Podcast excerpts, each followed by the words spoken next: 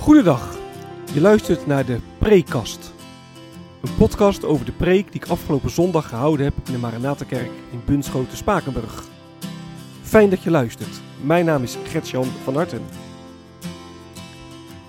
Wat kun je verwachten van deze podcast?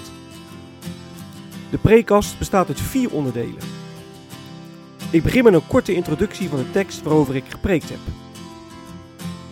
Vervolgens geef ik een korte samenvatting van de preek zelf. En met korte samenvatting bedoel ik ook echt kort.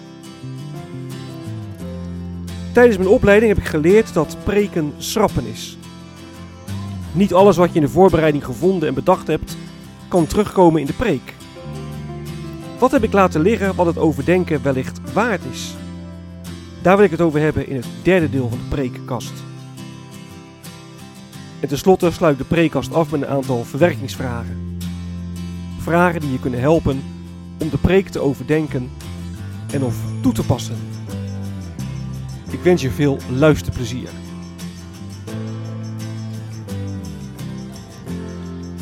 De tekst.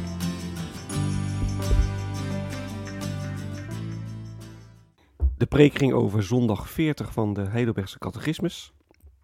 En daarin wordt de vraag gesteld: wat eist God in het zesde gebod? En het zesde gebod is het gebod: pleeg geen moord.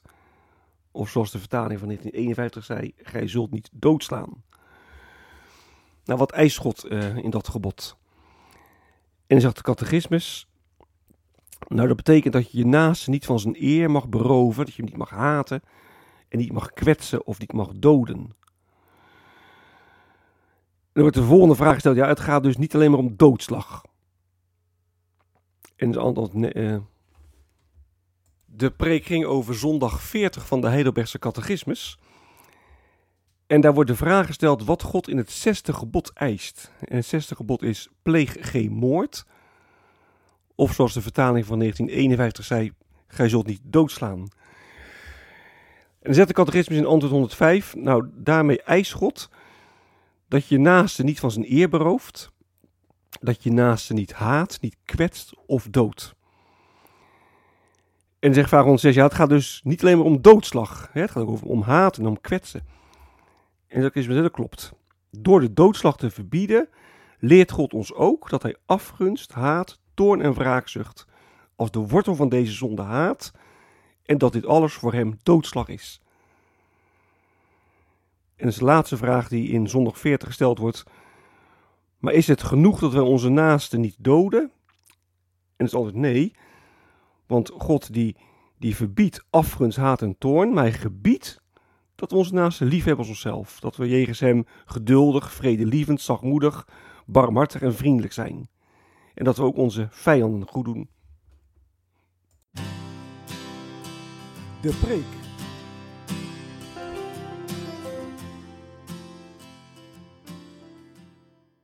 Ik heb als eh, thema boven de preek geschreven: De drie enige God is pro-life. God heeft het leven lief. Waarom? Nou, omdat hij de schepper van het leven is. God heeft het leven bedacht en gemaakt. En alleen dat al is reden genoeg om het leven van de ander niet aan te tasten. Je kunt ergens wel vergelijken met een kunstenaar. Wanneer iemand de schilderijen van een kunstenaar kapot maakt, dan zal die kunstenaar woedend worden. Je moet met je handen afblijven van zijn kunstwerken. Nou, zo is het met het leven ook. God heeft het gegeven, hij is de kunstenaar. En er komt nog eens bij dat de mens naar het beeld van God is geschapen. wij mensen, wij vertegenwoordigen God op aarde. Op de een of andere manier ja, lijken wij ook op hem. En je kunt je onzeker voelen, hè, wat stel ik in vergelijking met andere mensen nu voor. En dan mag je bedenken dat je geschapen bent naar Gods beeld. En je bent door God zelf bedacht. Jij mag God vertegenwoordigen. En je draagt als het ware de, de handtekening van God. En dat geeft zo ontzettend veel ja, dynamiek en betekenis aan je leven. En dat is ook de reden dat God in het zesde gebod meer dan alleen de doodslag verbiedt. En God niet alleen dat we een ander niet ja, letterlijk doden, maar hij wil ook dat we in alles het goede voor de ander zoeken. Omdat ook die ander beelddrager van God is. En als je dat doet, echt het goede zoeken voor de ander, ja, dan leef je volgens de geest van het zesde gebod. Nou, zo leven wij niet meer sinds de, de zondeval, kun je zeggen. En na de zondeval doden Kain Abel. En als je de Bijbel leest en de geschiedenis ziet, dan zie je dat het van kwaad tot erger ging. De eeuwen door is er oneindig veel haat en, geweld geweest. Tot op de dag van vandaag. Ik hoef alleen maar Oekraïne of Syrië te zeggen. En je begrijpt wat ik bedoel. Een mensenleven is niet veel waard. God had het allemaal zo mooi gemaakt. Maar de mens heeft het paradijs vernietigd en het leven kapot gemaakt. En daarmee staan wij schuldig richting God en richting elkaar. En God had het hierbij kunnen laten.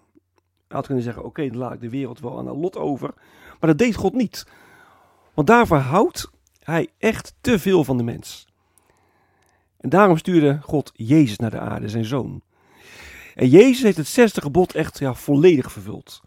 Hij had de mensen volmaakt lief, zelfs zijn vijanden.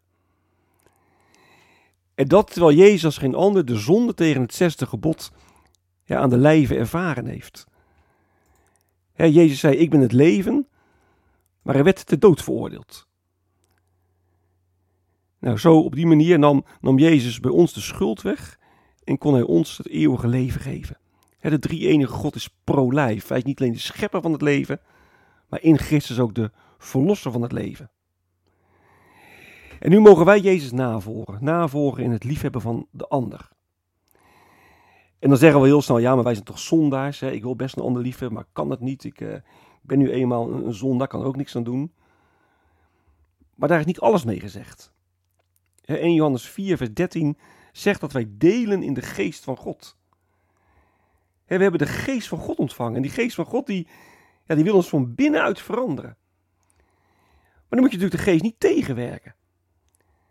En zo kun je zeggen, geeft het zesde gebod ons huiswerk. Ja, leef ik nou echt ten diepste voor mezelf? Of leef ik vanuit de liefde? Laat ik de Heilige Geest zijn werk in mij doen, of doe ik dat niet? En, en wat voor keuzes maak ik daarvoor? Nou, de drie enige God heeft het leven lief. De drie enige God is, is pro-life. Want hij is niet alleen de schepper van het leven, maar ook de verlosser van het leven en daarmee de vernieuwer van ons leven. Leef in en vanuit dat geloof. Wat is blijven liggen?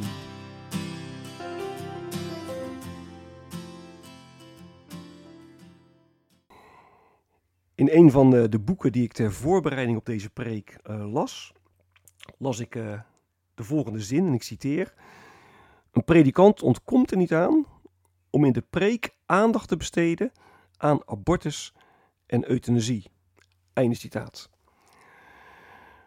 Nou, ondanks uh, de stelligheid waarmee dit beweerd wordt, heb ik er toch voor gekozen om het niet over abortus en euthanasie te hebben.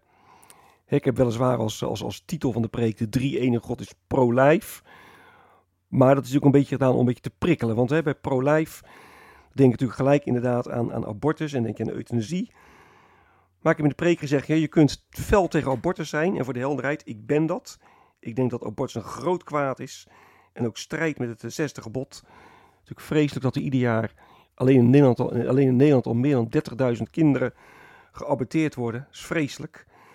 Dus daar kun je terecht heel fel tegen zijn. Maar als je ondertussen bijvoorbeeld wel roddelt, of een ander niet lief hebt, of een ander op social media zwart maakt, als je niet het goede voor de ander zoekt, dan overtreed je alsnog het zesde gebod. En ik vond het iets te gemakkelijk om in de preek alleen te zeggen, abortus is verkeerd. Ja, dat zijn we elkaar wel eens in de kerk over het algemeen. En dan leg je dit bij een ander neer. Maar het zesde gebod spreekt tot ieders hart.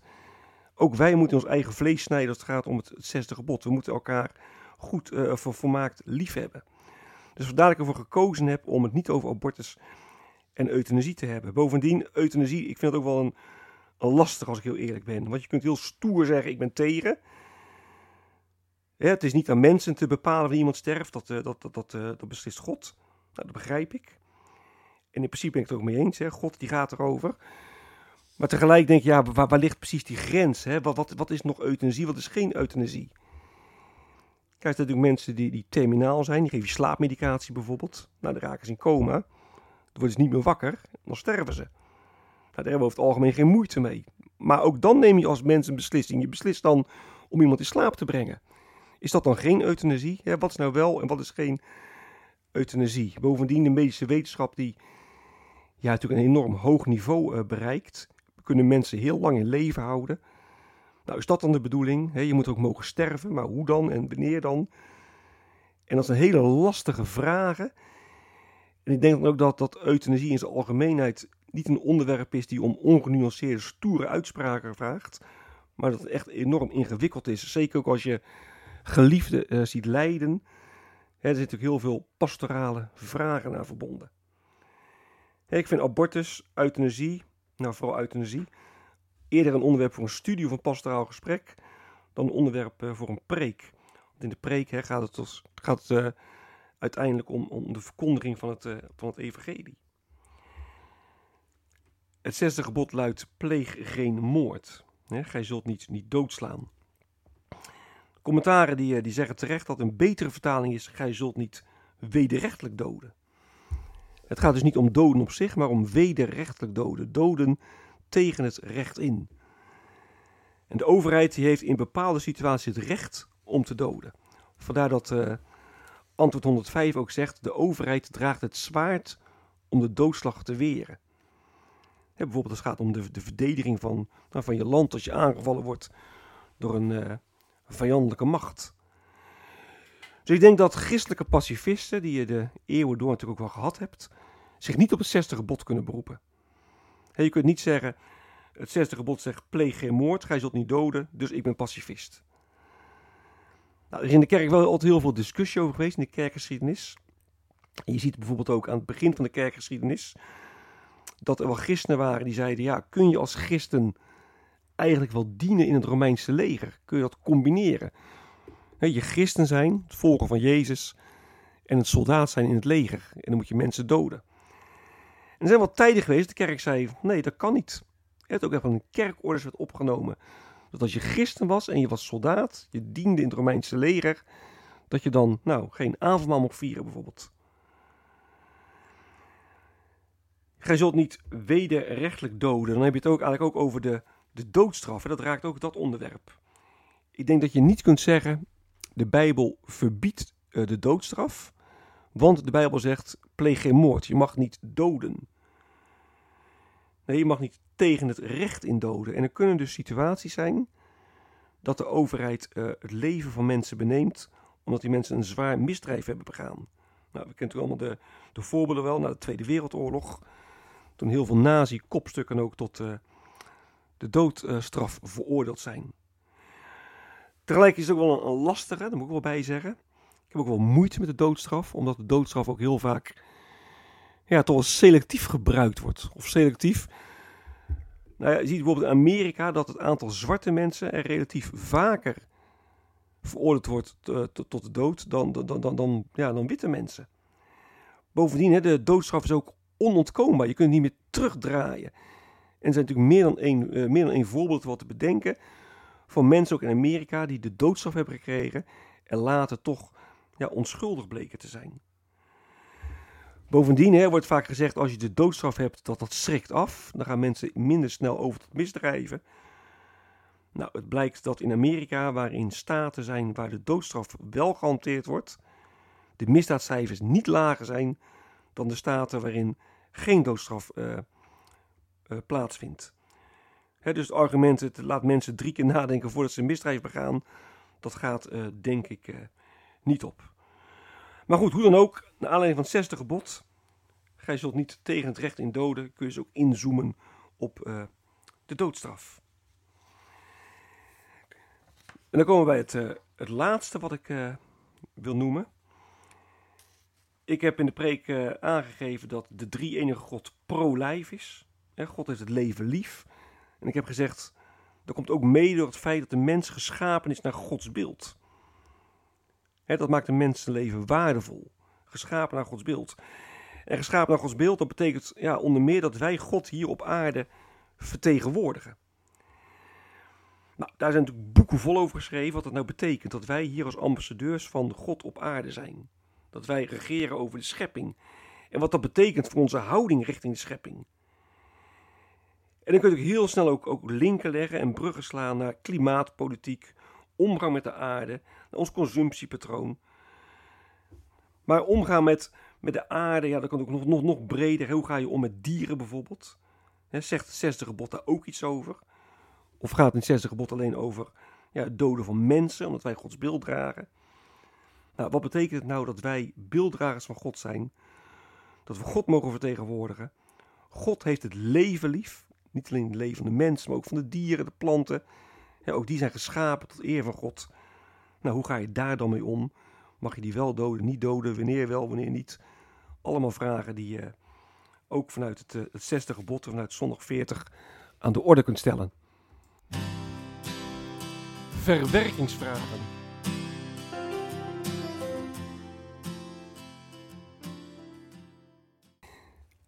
De eerste vraag die ik eh, wil stellen is: wat betekent het nou voor je zelfbeeld dat jij naar Gods beeld bent geschapen? je bent geschapen naar Gods beeld, je vertegenwoordigt God, op een of andere manier lijk je op Hem. Nou, wat betekent dat nou voor hoe je naar jezelf kijkt? Ik heb in de, de preek gezegd dat de drie enige God pro-lijf is. God is de schepper van het leven, de redder van het leven. En ik eindig de preek met te zeggen dat hij ook de vernieuwer van ons leven is. Nou, kun jij in je leven terugzien dat de geest van God inderdaad jouw leven vernieuwt? Kun je dat terugzien? En als je het terug kunt zien, waar dan, hoe dan? Als je het niet terug kunt zien, wat, ja, wat zegt dat dan? Een andere vraag is in hoever, uh, hoe ver je moet of mag gaan met het in leven houden van een patiënt. ook vanuit de gedachte, gij zult niet doden. Hoe ver mag of moet je gaan met het in leven houden van een patiënt? Is er ook niet een moment, op een gegeven moment dat je zegt, nu mag je ook, ook sterven. En wanneer is dat moment dan? De catechismus die uh, hamert erop dat uh, het zesde gebod veel meer is dan je mag iemand niet doden. Je moet ook het goede voor iemand zoeken. Je moet vriendelijk zijn, mild zijn, geduldig zijn. Nou, je kunt allemaal nalezen in zondag 40. Ik moest even denken aan Filippenzen 4 vers 5, waarin Paulus zegt... Laat iedereen u kennen als vriendelijke mensen. Eh, uw vriendelijkheid is alle mensen bekend, stond er vroeger. Nou, mijn vraag is dan in hoeverre kennen mensen jou op deze wijze? Kent iedereen jou inderdaad als een vriendelijk mens? Dit is het einde van de prekast. Mocht je vragen of opmerkingen hebben, dan kun je me mailen op mailadres van hartengretjan.gmail.com van hartengretjan.gmail.com Ik wens je nog een hele prettige dag. Hartelijk dank voor het luisteren. En wie weet tot een volgende keer.